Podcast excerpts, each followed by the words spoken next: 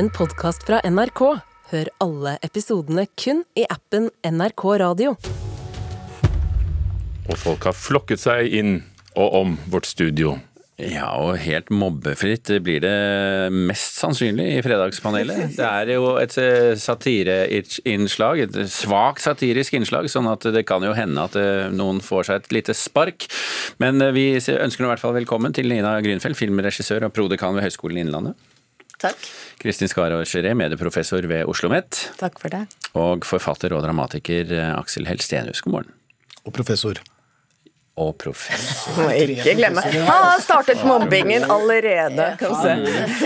Riktig. Må prøve å få deg litt ned, vet du, før vi starter. Ingen skal ned her nå. Altså. for oss alle. Denne uken hørte vi at store kulturarrangementer selger svært godt etter pandemien, men at mange mindre og mellomstore kulturopplevelser sliter med billettsalget. Eh, og det var da billettleverandøren Ticketmaster og organisasjonen Norske Kulturhus som fortalte oss dette. Og medieforskerne mente at folk nå krever store store opplevelser for å komme seg opp av sofaen. Jeg tror vi er vitne til et ganske tydelig generasjonsskifte, hvor den yngre generasjonen nå er overeksponert for kultur via TikTok og sosiale medier. Ja, Det var riktignok ikke en medieforsker, det var uh, artisten Tix. Spørsmålet vårt er uh, er flere store arrangementer veien å gå for å få folk til å bruke kulturen igjen? Ja. Nei. Nei. Du var så sikker, eh, Aksel? Ja. Fordi altså Min påstand er jo da at det er for mye av alt. Det er for mange store arrangementer, det er for mange små arrangementer, det er for mye konserter, det er for mye filmer, det er for mye bøker, det er altfor mange apper. Det kan vi i hvert fall være enige om. Og I denne serien I alt er altfor mye, så tenker jeg at det blir at store arrangementer er den veien man går. Jeg kan bare se på meg selv. Kristin Lavransdatter, f.eks åtte timers forestilling da alle tre eh, aktene ble spilt. Ingen gikk og så én og én akt, alle ville se åtte-ni timer. Det er et stort kulturarrangement. Det, og det, ja, det ville jeg også gjøre. Så jeg tror at det, det ligger liksom litt i det der. der. Mm. Narvik f.eks., gå og se på de store filmene. Ja, jeg, jeg tror det ligger i oss nå. Jeg tror vi trenger det nære og litt mer sånn autentiske etter hvert. Og at det er ingen tvil om at eh, Spektrum Spektakulære har vært viktig for å få folk tilbake. Men nå, i 2023, så tror jeg at vi ønsker kanskje de mindre opplevelsene igjen. Og eh, siden du trakk, trakk frem ditt eget eksempel, i går var jeg på åpningen av en, i et kunstgalleri her i Oslo. Og det var et lite kunstgalleri, og det var en ikke så veldig kjent kunstner enn så lenge. Enestående Anne Marit Austbø. Men eh, masse, masse mennesker mennesker som sto og dultet inni hverandre. Og jeg tror også etter hvert så Spektrum er greit, og Kristin Lavransdatter er kanskje for de helt spesielt eh, interesserte. Det er en krevende maraton. Men at vi etter hvert også begynner å ta i bruk det, det mindre, det tror jeg det er min spådom for 2023. Eller i hvert fall mitt ønske, så får vi jobbe for det. Så der har vi både den ene og den andre siden, og her skal konklusjonen komme. Nina Grünfeldt, ja, altså det er klart, nå er vi jo et litt eldre professoralt utvalg her i dag. Og jeg må innrømme at jeg liker Ikke så TikTok-interessert. Men personlig så syns jeg det er veldig hyggelig å gå på klubber, da. Jeg har aldri vært, jeg har nok vært gammel hele livet, for jeg har egentlig aldri vært så veldig glad i sånne svære arenaer. Men jeg tenker jo at uh, dette her handler jo Når det blir bare store arrangementer for veldig unge mennesker, da har vi jo glemt de gamle, da. Og så har vi jo også glemt regionene. Og Kristin Lavransdatter var fantastisk, men det var også midt i Oslo. Uh, så jeg tenker at vi må ikke glemme alle de folka som er rundt omkring. Og så tenker jeg vel at kanskje en del av disse store arrangørene de har skjønt skjønt at eh, det ligger mest penger i de kjempestore arrangementene. Så det hadde vært fint eh, om arrangørene da også kjenner sitt ansvar og arrangerer i litt mindre formater. Men, men her blander vi sammen litt hva som er, og hva dere ønsker skal være. Ja, men en ting som i hvert fall er, er at eh, jeg var på The Cure på Spektrum i desember eller november, eller før jul, og det var ikke noe særlig ungt publikum. Der var alle blitt eh, ganske lute i ryggen og tynne i håret. Så det er ikke bare for de helt unge, disse store spektrumopplevelsene heller. Neida, og vi er jo, alle vi eldre er jo unge hele tiden. Nå er vi jo unge stort sett hele livet. Og så har det noe med penger å gjøre. Altså Jeg sjekka nå han, der, han som har skrevet mye med filmmusikk, bl.a. Uh, 'Nightmare Before Christmas' og sånt nå. De skal jo nesten ha 2000 kroner i billetten. Ja. Så det, altså, og du, Hvis du kan sitte og se på dette her på TikTok, så skjønner jeg jo at de som ikke har 2000 kroner sånn liggende rede, at man, at man gjør det isteden. Så det, dette er jo også et uh, kostnadsspørsmål. Mm. Jeg eh, konkluderer med at her kom det overhodet ingen konklusjon på dette spørsmålet. Jeg konkluderte. Eh, du konkluderte, men debatten fortsetter nok. Vi går i spørsmål nummer to. Den eh, svenske venstreavisa Flamman har lyst ut en satirekonkurranse som går ut på å da tegne Tyrkias president Recep Tayyip Erdogan. En ytringsfrihetsdebatt dukket da denne uken opp i Sverige etter at en dukke, som da skulle forestille Erdogan, ble hengt opp etter føttene utenfor rådhuset i Stockholm.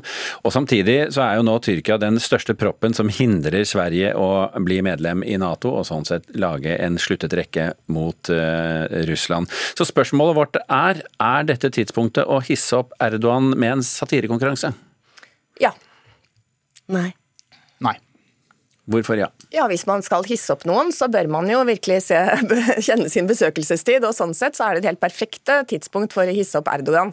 Og så tror ikke jeg at akkurat det er um, denne strådukken eller noen satiretegninger som får Erdogan til å endre synspunkt i, i denne saken om Sverige skal inn i Nato. Han beskylder jo svenskene bl.a. for uh, terrorisme og sende våpen og penger til terroristorganisasjoner. Uh, men han har nok så mange store autoritære skikkelser et litt sånn sårbart sårbart selvbilde. Så det kan jo være at eh, det stikker et sted som gjør at han endrer mening. Men eh, satire må vi ha. Grünfeld? Uh, jeg er jo langt på vei enig med deg, men jeg kjenner på at jeg blir utrolig stressa og engstelig for at det skal gå med flammene som det gjorde med Charlie Hebdo. Og det er sikkert et veldig dårlig argument, men jeg tenker at når du driver litt sånn gerilja-ytringsfrihetskamp, som jeg opplever at dette er, og med dette tiltaket med denne dukken opp ned, som jeg syns faktisk er ganske ubehagelig, jeg syns at det er et virkemiddel som er utenfor det som bør være i det som tross alt skal være demokratiske prosesser, da.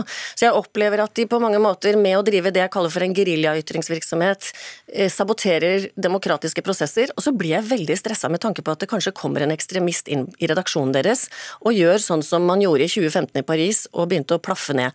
Så jeg får veldig sånn ubehagsopplevelse rundt det hele, og derfor så lander jeg på en nei. Ja, også, jeg er jo helt klart nei. Jeg tror jo faktisk, det høres ganske sånn ut, men jeg tror jo på diplomati. Og her er det jo diplomati på et veldig veldig høyt nivå.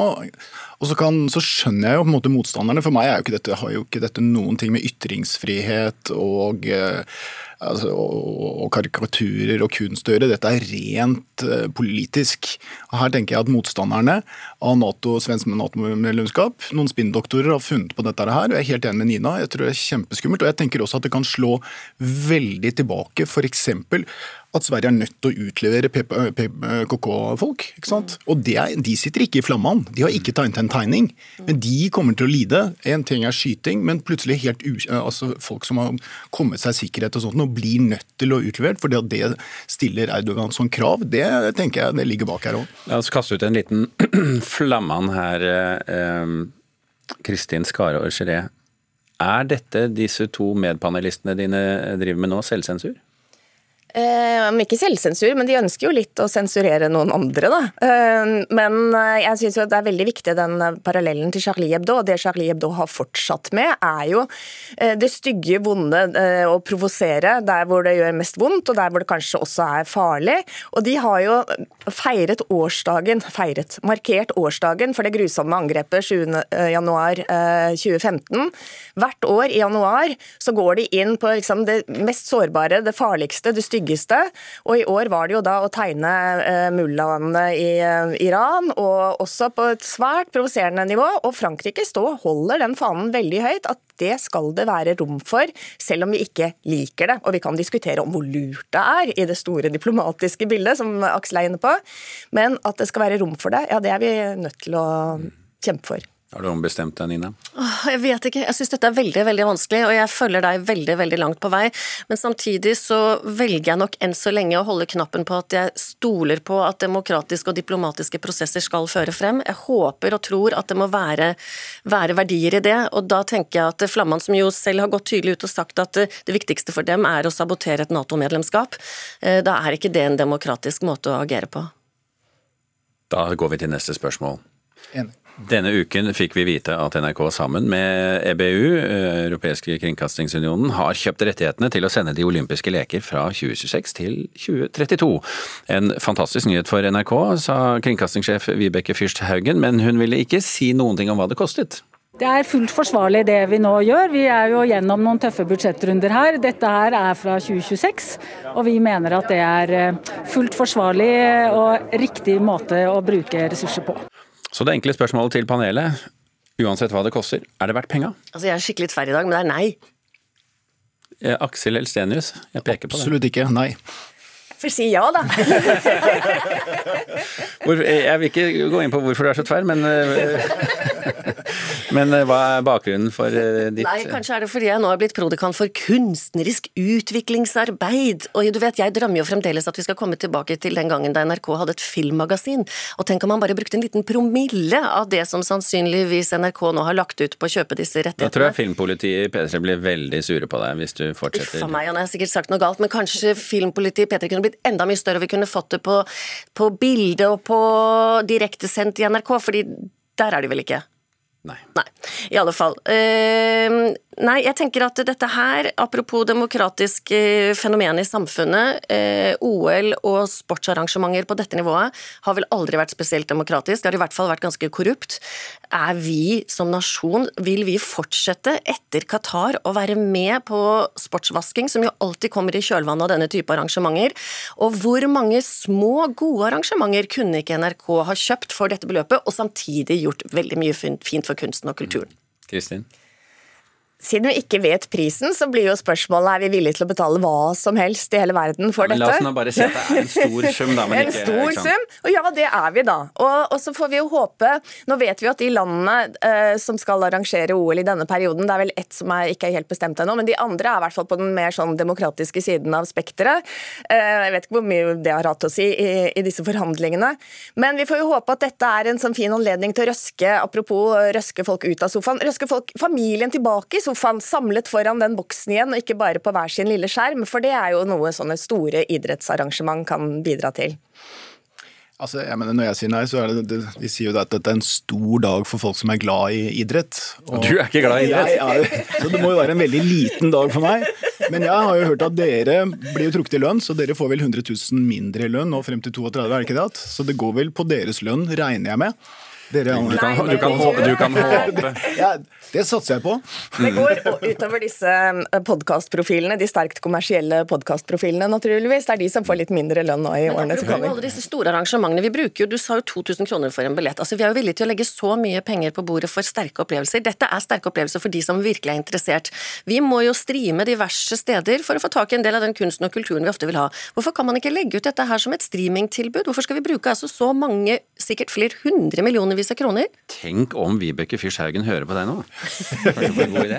Men, men, eh, men eh, Aksel Helstenius, dette er jo da et samarbeid med EBU. Det betyr at eh, Den europeiske kringkastingsunionen har nå tatt tilbake et stort sportsarrangement fra kommersielle krefter. Og det er bra. Det liker du! Ja. Jeg gjør det. Jeg gjør det. Men da må Jeg du jo mener- se på også. Ja da, Jeg mener jo at det bare burde være én kanal i Norge. Bare NRK1.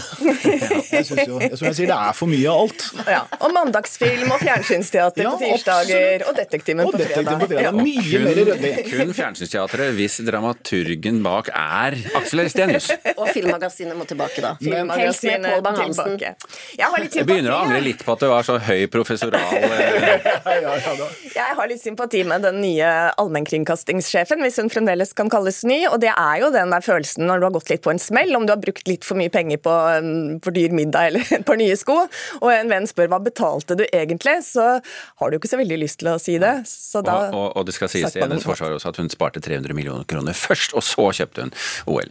Men uansett, Fredagspanelet er eh, slutt. Ugo er på vei inn i studio for å sende oss videre i Nyhetsmorgen. Aksel Helstenius, Kristin Skare Orgeré og Nina Grünfeldt, takk for at dere var Fredagspanelet i dag. Takk. Du har hørt en podkast fra NRK.